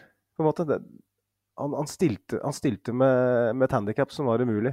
Eh, han stilte mot et Barcelona Champions League gjentatte ganger som hadde kjøpt og betalt dommerne stilte mot et Chelsea som hadde stikket av og stjålet eh, verdens beste kantspiller under nesa hans. Eh, han stilte mot et City som kjøpte alle de beste spillerne hans hele tida. Jeg får jo mer sympati med Wenger og, og Arsenal òg på den tida. Det er liksom Nå har Barcelona på en måte tatt, nå må de ta City og Chelsea òg. For da, da, da, da, føler jeg liksom at det er litt balanse tilbake i universet. Da er det all ropinga om crime og banter Da kan vi legge det litt bort, altså. Beklager at det ble langt, men det, det er litt sånn Det er mange, års, mange år med frustrasjon som skal ut. Ja, men det er helt innafor det. Eh, når du finner ut at, eh, at Wenger år etter år stilte til start på, på Tour de France med, med vanlig sykkel, og så, eh, så, viste det seg at de som vant, de, de, stilte ikke bare med, med smådoping, de stilte med elsykkel òg i tillegg. Eh, så når de dro ifra i motbakkene, så eh, Og det føltes ut som at det, det, går ikke an at dere har så mye mer å dra på enn oss, eh, eller å dra med enn oss. og så viste det seg i ettertid at det stemte. Um, det er, det er en slags forsoning da, i, i, i sjelen til, til, oss som, som, i så mange år følte at det var noe urettferdig der. Eh, jeg husker jo eh, en, en, kompis av meg som Eller eh, vi gikk skole i lag, i hvert fall. Han, han av en eller annen grunn var Chelsea-fan. Jeg, jeg, skjønte jo ingenting av det. Jeg, jeg sto jo i lag med de andre og, og, sa kjøpeklubb, kjøpeklubb, kjøpeklubb. Um, og så, så, satte man seg mer og mer inn i det jo, jo eldre man ble, og så skjønte man det at uh, det var ikke bare for å si det at man sa det, liksom. Det, det lå så mye mer bak det. Uh, og, og, når man da i tillegg får noe bevis på at det, den følelsen man satt med når Chelsea dro ifra, når Chelsea kom opp på sida og dro ifra, så, så, følte man på at ja, men det her kan ikke være rett. Uh, og så så satt man og hørte på Wenger som messa på om det her, som du sier, Magnus, og, og følte liksom eh, Nesten Etter hvert så følte man at tvilen kom litt grann sigende, liksom. Er, er, det bare vi som sutrer? Eh, eller er det sånn at det her er At det skal være sånn som så det her, liksom? Eh, og så får man bekrefta det, at nei, det skal ikke det. Vi, vi skal i utgangspunktet stille likt, eh, og så har vi ikke gjort det. Um, spesielt eh, eksempelet du drar fram her med, med Barcelona i Champions League, er jo er jo graverende. Um, det er jo det siste som, som på en måte United- og Liverpool-fansen har imot oss. Jeg har aldri vunnet Champions League. Uh, og så, nei, men nå har vi på en måte bevis på at det, det, det kunne vi godt ha gjort, hadde vi stilt likt. Um, så um, nei, det, det, altså, det gjør det jo på en måte ikke bedre, men, men, samtidig så gjør det det så mye bedre på måten det føles i ettertid. Eh, akkurat der og da så altså, kampene før den var og tapt og i det hele tatt. Men, men eh, måten man ser tilbake på det på, eh, blir kanskje litt bedre ut av de avsløringene som nå er kommet. Og så er det viktig det du ser, Magnus, at de er ikke dømt ennå. Verken City eller Chelsea er dømt. og holdt på å si uskyldig til det motsatte er bevist. Jeg er jo kanskje mer på ingen røyk uten ild. men, men det, er, det, blir spennende å se hvordan de, hvordan de løser det her til slutt. Vet ikke, Magnus. Har vi noe mer vi må ta i det her før vi på en måte beveger oss bitte litt inn på, på andre ting? Uh, skal vi se, vi hadde kanskje et lyttespørsmål uh, som vi gikk på noe annet. Uh, skal vi se, hvis ikke så kan vi gå videre til, til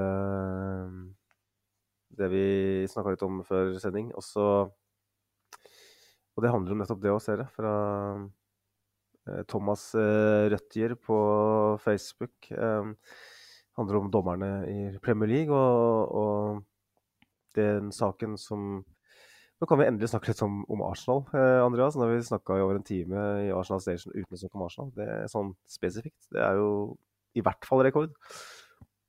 Um, men Thomas Røtter på Facebook, han skriver et nærliggende spørsmål melder seg. Er Premier League og dommerstanden korrupt, eller i alle fall deler av den? Når både City og Newcastle flere ganger får 100, 100 feilaktige avgjørelser mot seg, og vi samtidig vet at vi, flere av dommerne slash VAR-folkene dømmer og er lønnet av Saudi, ja, da er det noe som stinker. Uh, jeg tenker Det er jo et, et greit utgangspunkt for en prat om det som kom nå uh, den uka som har gått. I kjølvannet igjen av den Newcastle-matchen hvor Arteta eh, fyrte på alle plugger etter match. Og fikk god, bred støtte fra klubben dagen etter med den statementen. Så har jo FA nå kommet dit hen at de ønsker å straffe Arteta. Det var jo spesifikt Arteta de eh, ønsker å ta. Eh, siktelsen vet vi ikke helt hva blir. Eh, siktelsen er klar, men hva straffen blir, vet vi ikke.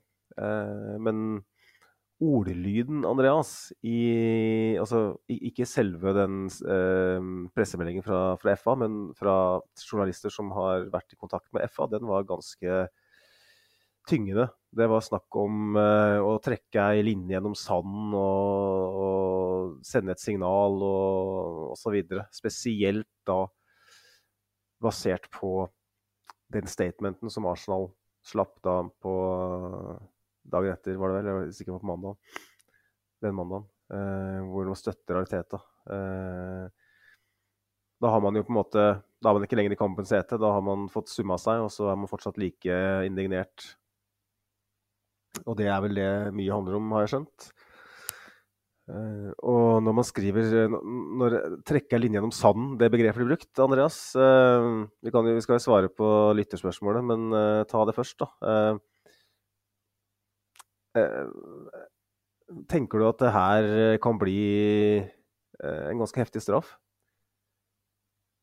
Jeg tenker jo at um, det blir nok mest sannsynlig Det blir, det blir jo alltid ei bot, men uh, det blir nok mest sannsynlig noen kamper på sidelinja. Um, for å rett og slett statuere et eksempel. Vi husker jo at Klopp uh, kom ut med noe lignende tirade, og, og Liverpool etterpå uh, kom ut med at de skulle se på alle mulige måter, om det var å spille om i en kamp, og, eller om det var liksom å løse det på annet vis, eller Men um, samtidig, den, den statementen til Arsenal var jo ganske, uh, ganske knallhard med tanke på at de var så tydelige på at nivået er for dårlig og, og alt det der der.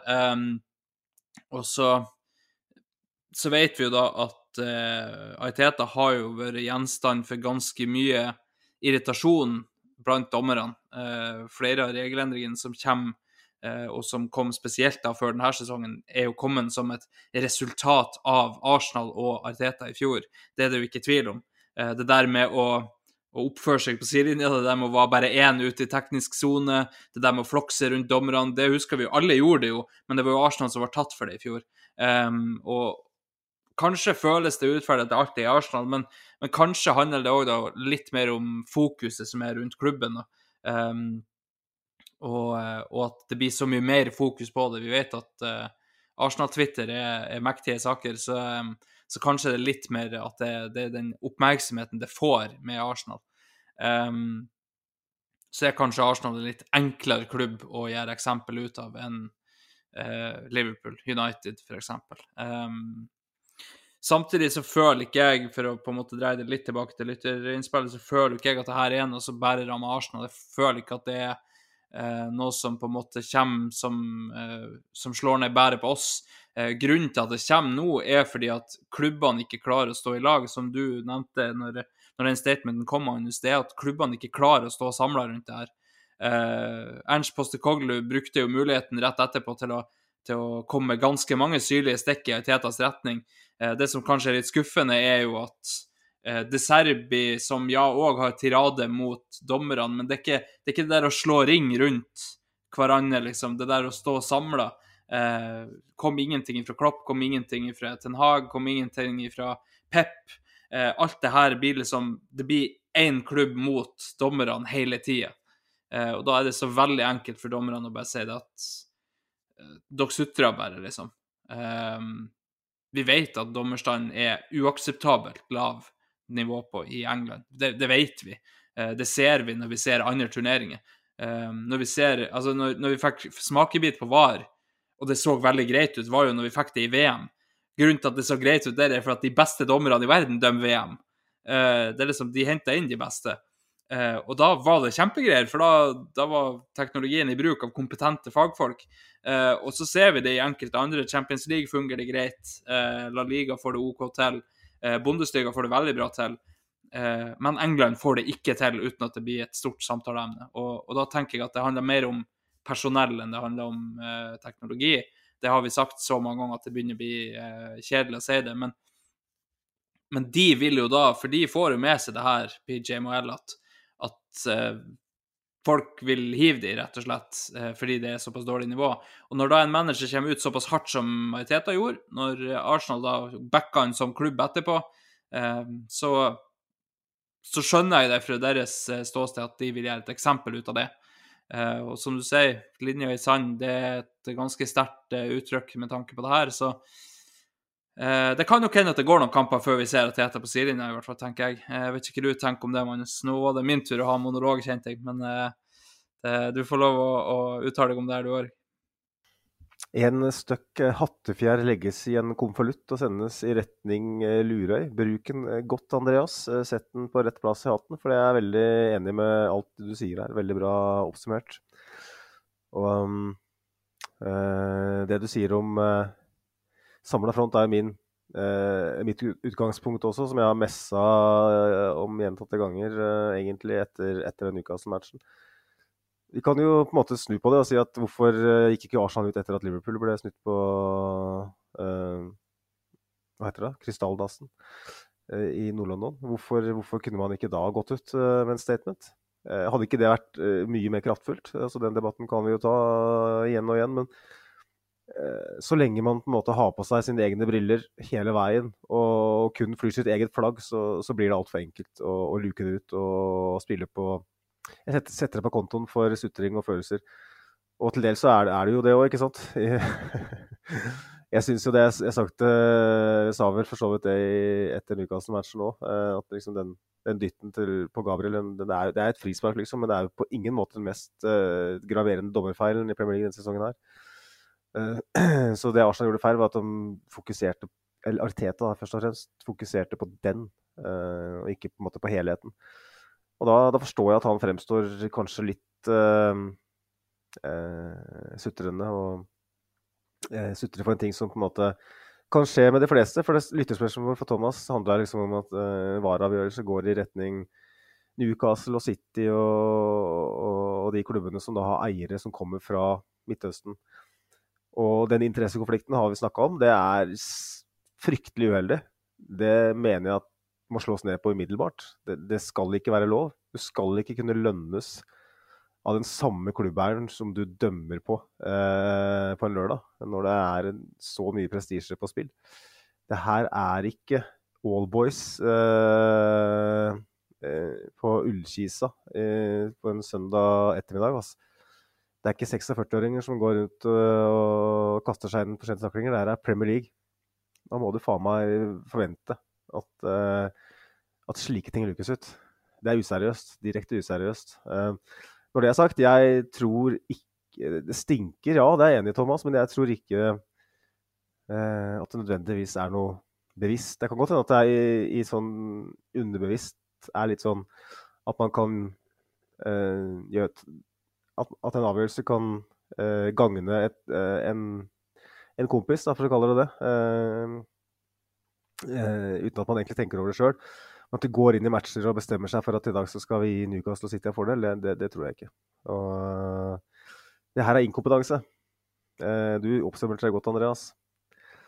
Og derfor så føler jeg liksom ikke at uh, det er noe vits for Arteta og Arsenal å, å gå ut når Det er litt sånn etterpåklokskap òg, for vi har jo sett hvordan det har fortona seg. Uh, vi, vi, sa jo faktisk det på den etter matchen, at, uh, at det hadde vært bedre om man hadde støtta en annen klubb. Men man har jo virkelig fått bekrefta det. Uh, jeg føler at det er et veldig tydelig bilde nå. Eneste måten å få bukt med det her, det er hvis man samler seg som klubber. 20 stykker, samla front, unisont. Slipper en statement om at nivået på dømmingen i Premier League ikke er godt nok. Eh, vi krever som, som de viktigste bestanddelene i, i, det produktet her Nå, nå føler jeg det begrepet produkt altfor mye. Nå blir det en sånn nytt narrativ begrep. Men eh, vi krever at, at, eh, at det blir eh, røska opp ved rota, og at det blir gjort noe med. For at vi kan ikke leve med det nivået som vi ser per i dag. Inntil noe sånt kom på banen, så er det lett for Michael Owen og, og Howard Webb å sitte der med hver sin kopp te og kose seg. Eh, og, få, og, få, full støtte fra Neville og, og Carragher. Fordi at du, du kan prøve å sette deg på andre sida av eh, stolen. Hvis, hvis, hvis, hvis det hadde vært Tottenham da, som hadde reist til St. James' Park den lørdagen og blitt behandla på den måten der, og slipp det statementet, tror du vi Arsenal-supportere hadde sagt at ja, bra, Tottenham? Nei. Aldri i verden. Aldri i verden. Og det er den øvelsen vi må gjøre da, som supportere. Nesten hver uke, altså. Kanskje nesten hver dag. Hver gang før vi legger oss, når vi, tar, når vi, setter, når vi kneler foran sengegavlen og folder hendene og ber en stille bønn opp til vår Herre, for de som gjør det, så, så tenk litt over og ta av deg brillene av og til. Altså. Og tenk hvordan ville det vært hvis jeg hadde hatt naboens briller? For vi, vi må passe oss så vi ikke blir som alle andre. Eh, sånn ettertid så, så, så tror jeg Arsenal hadde gjort lurt i å gi faen i den statementen, for å si det sånn. Ja, det tror jeg du har helt rett i, og jeg tror også du har helt rett i at eh, vi hadde ikke reagert hvis det var postmann Pat som sto og, og klaga på dommerne. Um, og, og det er nok synd. Uh, det er jo et ordtak at eh, 'the enemy of my enemy is my friend'. Vi kommer aldri til å være venner med, med Tottenham, det er ikke det jeg sier, men, men kanskje man burde tenke litt større enn en rivaleri i det her, for um, um, prøv å, eh, prøv å unngå ordet eh, på P her, som vi har sagt altfor mye, Magnus, men, eh, men det der med å, å vite at det er faktisk the greater good, for å kalle det det, da, eh, som står på spill her, fordi at det her det, det rammer alle.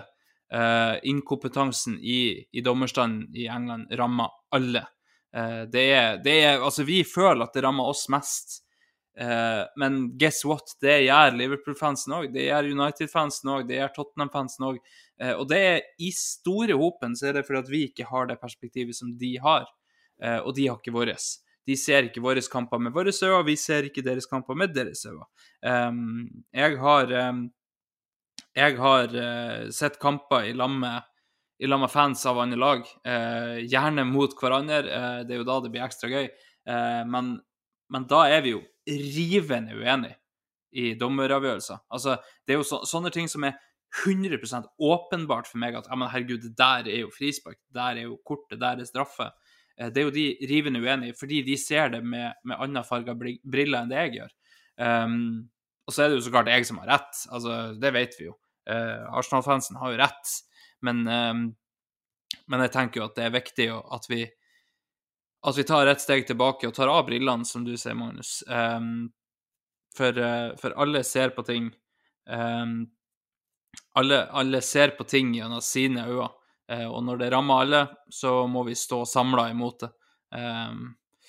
Og da, da er det sånn, eh, sånn at vi kanskje faktisk må, må se, oss i en situasjon der vi er enige med Tottenham-fans innimellom. Eh, om vi klarer å overleve det, Magnus, eh, det, det vet jeg ikke. Men eh, for, at, eh, for at nivået skal økes, så er det ikke nok å bare se det med rød-hvite briller lenger. Du, du må kunne se det med andre sine òg. Eh, og forhåpentligvis må de kunne se det med våre briller. Da begynner vi å nærme oss 1,5 her, Magnus. Eh, vi har ett punkt igjen på lista, har vi ikke det? Um, det er et intervju som er gjort i en podkast i, um, i landslagspausen. Um, der uh, Mr. Ramsdale senior har uh, uttalt uh, både ditt og datt. Mye av det er tatt veldig ut av kontekst når du leser det igjen på Twitter, men, uh, men i bunn og grunn så handla det jo litt om en litt misfornøyd Aaron Ramsdale uh, som ikke vil sitte på benk, og uh, som gjerne vil spille. og i det hele tatt I utgangspunktet så er det ikke noe feil med det, Magnus. Uh, Vi vil jo at alle spillerne i, i troppen skal ville spille. Eh, Det har vært ganske mye verre hvis eh, faren til Ramsdale kommer og sier at ja, han er ganske fornøyd med situasjonen akkurat nå. Da føler du at OK, du, du syns det er greit å sitte hev lønn, liksom. Um, det skal ikke være sånn at når du er førstekeeper og blir, blir bumpa ut av laget, så skal du være fornøyd med det. Han skal være kjempemisfornøyd og frustrert og, og sint og vil komme seg tilbake igjen. Det er det vi vil. Det er jo det Arteta sier i hvert fall at han vil her, eh, med, med den såkalte konkurransen. Men du må ha en keeper som vil ta over når han er tatt ut av laget. Og det vil vi med, med spissene, det vil vi med stoppere, det vil vi med alle på banen. Eh, Sitter du på benk, så skal du ville komme inn. Um, husker ikke hvem det var, om det var Berbatov som satt med, med iPaden på sida og ikke gadd å spille, eller hva det var. Det, var um, det er ikke sånn vi vil ha det, liksom. Um, vi vil at alle i, i troppen skal være veldig gira på å spille. uh, og, og, det inkluderer Ramstead, sjøl om han på en måte er satt litt til sides akkurat nå. Um, vet ikke, Magnus, Før vi kanskje prater litt mer om situasjonen rundt det, så kan du òg få si hva du syns om intervjuet til Mr. Ramsdale senior. Som alltid så blir det jo en uh, orkan i en sånn tannlegekopp, sånn hvit plastkopp, uh, når, når, noe sånt skjer. Og fader Ramsdale han står jo fritt til å, snakke med hvem han vil, han. Og det her er jo tross alt også en Arsenal-podkast, og han har ikke, ikke, gått til Sky eller Daily Mail eller noe sånt. Men problemet er jo at Sky og Daily Mail de plukker opp det her og, og bruker det. Og timingen var ikke heldig. Eh, men vet at eh, vi, vi, kjenner jo på en måte lusa litt på gangen, som man, man sier. Eh, når det gjelder altså, Man kan jo se for seg at hvis Aaron Ramsdale en gang skulle få en Premier League-keeper som sønn, så er òg nå typen som stiller opp en podkast, vil jeg tro. så det er litt sånn The Ramsdales er litt sånn, da. Og det tenker jeg det, det er veldig greit. Eh, men problemet er på en måte hvordan det blir brukt. og eh, jeg syns det oppsummeres eh, til punkt og prikke. Eh, og med glanspapir eh, pakka rundt. Eh, ikke glanspapir i den forstand at det er positivt, men altså måten pressen da Eller hvem det var som fiska opp det intervjuet fra mai, når Aaron Ramsdale da, ifølge Transfermarkt, er verdens eh, mest verdifulle målvakt. Han er i samtale med Arsenal om å signere en ny kontrakt. Han er på toppen av verden. Alle roper om at han skal ta plassen til Pickford på landslaget. Uh, ja, det, var, det ulma litt rundt den. Jeg, jeg, husker det for all del. Men hvem, han er 24 år, er mål, målvakt. Hvem, hvem, er på toppen av verden da? Markedsverdien hans fortalte oss noe om hva slags uh, potensial vi har, uh, har, med å gjøre her. Uh, og han sitter da og snakker eh, fritt med Ian Wright eh, og eh, en til i et eh, podkastintervju som er filma. Unnskyld. Eh, og sier at eh, han sliter med å konsentrere seg i 90 minutter som keeper hvis det ikke skjer noe rundt den. Så mekanismene han da bruker, er å, å yppe litt på bortefansen, eh, synge litt med fansen, og Arsenal-fansen synger. Prøve å skape litt ablegøyer, da. Eh, fordi at det gjør at han eh, klarer å holde seg tent når det skjer noe rundt den. Og det har jo blitt brukt mot han så til de grader etter at uh, intervjuet med faren hans ble publisert. Og fra, fra mai, da, hvor folk satt og hylla det, liksom. Se for en kul type Ramsdale er, som er så åpen og ærlig. Se hvor, hva slags ressurser han har som kan eh, bruke banter med fansen som en inspirasjonskilde. For en fyr, sa vi da. Og fordi at han nå har mista plassen til David Raja, for at Arteta på en måte har tatt et valg, så plutselig så er det sånn herre Se på han her, da. Han klarer jo faen ikke å være konsentrert i 90 minutter, og så er han en Premier League-keeper. Det er jo helt håpløst. Han må jo selge. Se på uttrykket til Ian Wright når han sier det. Han ser ut som han har falt ned fra månen. Det var ingen som har merket uttrykket til Ian Wright i mai, når det intervjuet her ble publisert. For en ræva gjeng vi er med folk! For noen forferdelige mennesker vi er! Det er jo så dumt. Altså, Tenk å lage en sak ut av det. Og da tenker jeg at det, det, i seg selv er på en måte bevis godt nok for meg til, Nick Ramsdale, og faren til, til Aaron. At det, her, det, her, det, her, skjer hvis du gir et intervju, uavhengig av hva du sier, egentlig. Uh, det blir som en sånn uh, uh, gisseltaker som ønsker løsepenger og klipper ut uh, bokstaver fra VG, liksom. han bare velger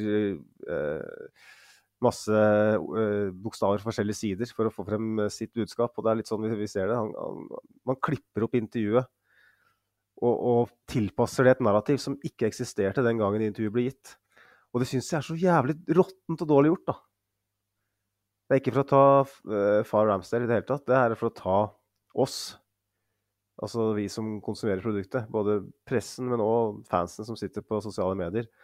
Fordi jeg så folk, eh, til og med folk jeg følger på Twitter, som, som satt og kritiserte det intervjuet. Jeg, sånn der, jeg, er, så jeg er, så konfliktsky at jeg, jeg sitter i en kjellerstue alene og snakker til x antall mennesker nå. Men Eh, hadde, hadde, hvis noen hadde konfrontert meg underveis, så hadde jeg mista munn og mæle, sikkert. Men det er liksom sånn Jeg hadde lyst til å svare, på en måte, for det, er så, det er så dumt. Eh, ik- ikke ta han for det her, da. Vær så snill. Så ikke, ikke tråkk i den revsaksa. For det er, så, det er så lite konstruktivt, og det er så meningsløst. Vi elsker Aaron Ramsdale, og Aaron Ramsdale har ikke gjort noe som helst. Han har ikke gjort noe som helst han, for at vi skal endre syn på han. Han ikke, Prestasjonen hans var ikke markant svakere på slutten av forrige sesong.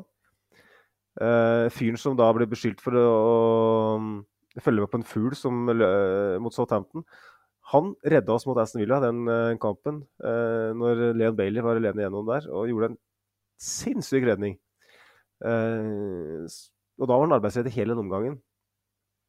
Ederson har jo også uttalt eh, i løpet av siste året at han òg, som er ansett som en av de beste keepere i verden, i en årrekke, eh, sier at han òg sliter med å konsentrere seg 90 minutter, og han har sine kognitive øvelser som han gjør. Eh, og hva de er, vet ikke jeg, men fordi at Aaron Ramsdale er litt mer eh, klovn og litt mer gøymaker og bruker litt andre ting for å holde seg tent, så skal vi ta han for det, da. Det er jo nettopp det som har gjort han så god. Det er nettopp derfor har, han, har, han har vært en helt i, for oss. Så jeg, jeg, jeg er litt skuffa over eh, veldig mange. Eh, og jeg, uansett hvordan det går med Aaron Ramsdale, så må vi ikke glemme hvem han har vært for oss. Nei, han, eh, han var avgjørende i, i flere kamper for at vi eh, tok poeng og vant eh, flere kamper. Eh, vi så sinnssyke dobbeltredninger. Vi så, eh, vi så viktige involveringer på, på alle mulige måter ifra han som gjorde at vi, vi tok mer poeng enn en, eh, kanskje med en annen keeper. Um, og som du ser, han har ikke gjort noen ting, egentlig. Eh, De som sier at han dala imot, eh, imot slutten av forrige sesong, det gjorde hele laget. Det gjør at, at ting ser litt verre ut for han. Han slipper inn mer mål for at Forsvaret ikke hang i hopen på slutten av, av, av fjorårssesongen i forhold til det de gjorde tidligere i sesongen da. Um, og så har Teta tatt et valg, som du sier, Magnus. Han fikk en mulighet i fanget til å signere en keeper som han var gira på før han kjøpte Ramsdale, Eh, og så tok han den. Og så, eh, så har han da i ettertid servert noe, noe tynn suppe om at det skal være konkurranse osv., osv. Eh, og så vet vi jo vi, Altså, øynene ljuger ikke. Det, vi ser at det ikke Ja, det er ikke, det er ikke ren konkurranse, i hvert fall, for, eh, for da hadde kanskje Ramsdale fått stått uh, en kamp eller så for å prøve, i hvert fall innimellom. Um, så skal det sies at han fikk en kamp imot Westham og, og så relativt shaky ut der. Uh, nå vet vi at nå må han stå neste Premier League-kamp, uh, hvis ikke Teta vil gå for Carl Hein. Uh, men um, det blir jo Ramsdale i mål, og, og så får vi se, se, da om han da kan vise seg sjøl på en ordentlig måte um, i den kampen der. Um, og det her er jo en saga som kommer til å gå hele sesongen. Eh, det er ikke noe som folk kommer til å slå seg til ro med eh, før på en måte den ene står med kontrakt og den andre er ut døra. Eh, jeg vet jo hva jeg hadde tippa på nå, hvis jeg skulle tippa en av de hit eller dit. men vi vet ikke hvordan det går. Det, det teamet vil show, som de sier i, i Flåklypa. men jeg vet ikke, Magnus, er det så veldig mye mer å si om det her enn at uh, folk må være litt mer tålmodige enn som så, og ikke kritisere en kar for noe du hylla for fem måneder siden, liksom. Det, det blir for dumt. Uh, såpass værhane skal vi ikke være at vi, vi snur såpass etter vind. Uh, det, det, må faktisk gå an å, um, stå litt mer for det du faktisk hyller en kar med. I, i hele fjorårssesongen hylla vi han for det han holdt på med på, mot bortefansen og i det hele tatt eller hjemmefansen hvis vi spilte borte. Um, og så skal det plutselig brukes imot han nå, for at det er hans måte å, å få til ei feberredning på i det 89. minutt. Uh, det er egentlig ikke så nøye for meg hvordan han gjør det, så lenge han får det til. Um, så ser vi òg at Raja kan være relativt ukonsentrert innimellom, så, så, det er ikke akkurat sånn at han er perfekt, han heller. Så jeg tenkte at uh, det må være et slags uh, mantra for oss her nå når det begynner å nærme seg kveld, at ha noe litt mer is i magen, at vi kaster oss på absolutt alt som blir spydd ut av de som vil skape eh, sitt narrativ. Um, vet ikke hva mer vi skal tilføye, Magnus, før vi, eh, før vi ser at det er kveld. Nei, Det var godt å snakke litt Arsenal igjen, da, selv om det ikke var det hyggeligste temaet. Eh, jeg var jo ikke med sist, og har jo hviska til meg sjøl uh, ever since, egentlig. Uh, Arsenal-temaer. Man blir jo skada av å ha en sånn plattform som det vi har. Uh, men jeg føler jo at eh, nå har vi passert halvannen time, og det, vi trenger ikke gå 1,45 i dag. Eh, vi har Brentford eh, til lørdagen. Vi vet at eh, en viss Gabriel Jesus eh, trolig er eh, klar igjen, om ikke fra start, iallfall i, i, i troppen. Og Ødegaard sannsynligvis òg. Så det, det, blir spennende eh, når vi sitter her igjen om uh, ei uke og skal se tilbake på Aaron Ramsdale masterclass eh, og en Ødegaard assist til Jesus. Det blir hyggelig, Andreas. Og så tenker jeg at med mindre du har noe du har lyst til å ta opp, så tenker jeg det er, det er greit å, å gi seg nå. Ikke, må ikke holde på kjempelenge hver gang.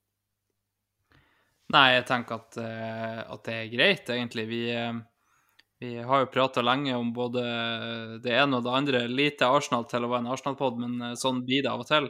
Eh, og i hvert fall når, når temaene stiller seg så velvillig opp framfor oss, så, så, må vi nesten eh, eh ta nytte av det eh, i ei uke der det skjer sånn direkte Arsenal-messig relativt lite, sånn sett, annet enn det vi har prata om i tillegg, da. Um, da er det vel ikke så altfor mye mer å, å tilføye, annet enn at uh, folk må jo ha uh, ei fin siste interlull-uke, og så uh, får folk ha lykke til imot Brentford på lørdag. Um, følg oss på sosiale medier. Det er Arsenal Station Pod på Facebook, og det er Pod Arsenal på X. Um, og så um, får vi satse på at, at det blir nye tre poeng. Og som du sier, Magnus, hat trick på Jesus og uh, par assist på Ødegaard. Og det, det, det, lar seg høre, det, i så fall. Um, og, og, med det så er det ikke så mye mer for meg å si enn som vanlig vi hørs. og Magnus, du skal få lov å avslutte. Det er viktig at vi ikke glemmer uh, at vi håper at det er litt viskas i skåla til Lucy, eh, Sivert. Eh, jeg håper eh, skanken smakte. Og så tenker jeg at jeg sier ha det, ha det. Hei.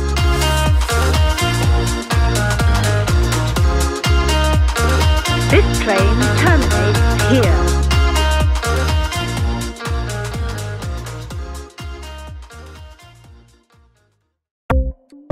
Ukens annonsør er HelloFresh. HelloFresh er verdens ledende matkasseleverandør og kan være redningen i en travel hverdag. Mange av oss har nok vandret i butikken både sultne og uten en plan for middagen, som ender med at vi går for de samme kjedelige rettene gang på gang. Middag burde være dagens høydepunkt. Som HelloFresh kan du nå velge mellom 25 ulike retter hver eneste uke, eller få HelloFresh til å sette sammen menyen for deg. Dette gir deg muligheten til å prøve nye og spennende retter alene eller sammen med familien. Du velger antall porsjoner og får alt levert på døren på et tidspunkt som passer for deg. Oppskriftene er enkle, og maten er lett å lage både for store og for små. Ved å få alt levert hjem får du også mer tid til å dele matgleden med familie og venner. Kanskje det frister med asiatiske tacos eller greskinspirert kylling? Da kan jeg anbefale deg om å gå inn på hellofresh.no. Her kan du bruke koden FOTBALL og få opptil 1779 kroner i rabatt på de første fem matkastene hvis du ikke har prøvd Hello Fresh tidligere. Du kan også bruke rabatten hvis du har vært kunde og stoppet abonnementet ditt for tolv måneder siden eller lengre. Gå inn på hellofresh.no og bruk koden FOTBALL. Har du et enkeltpersonforetak eller en liten bedrift? Da er du sikkert lei av å høre meg snakke om hvor enkelt det er med kvitteringer og bilag i fiken, så vi eh, gir oss her, vi. Fordi vi liker enkelt.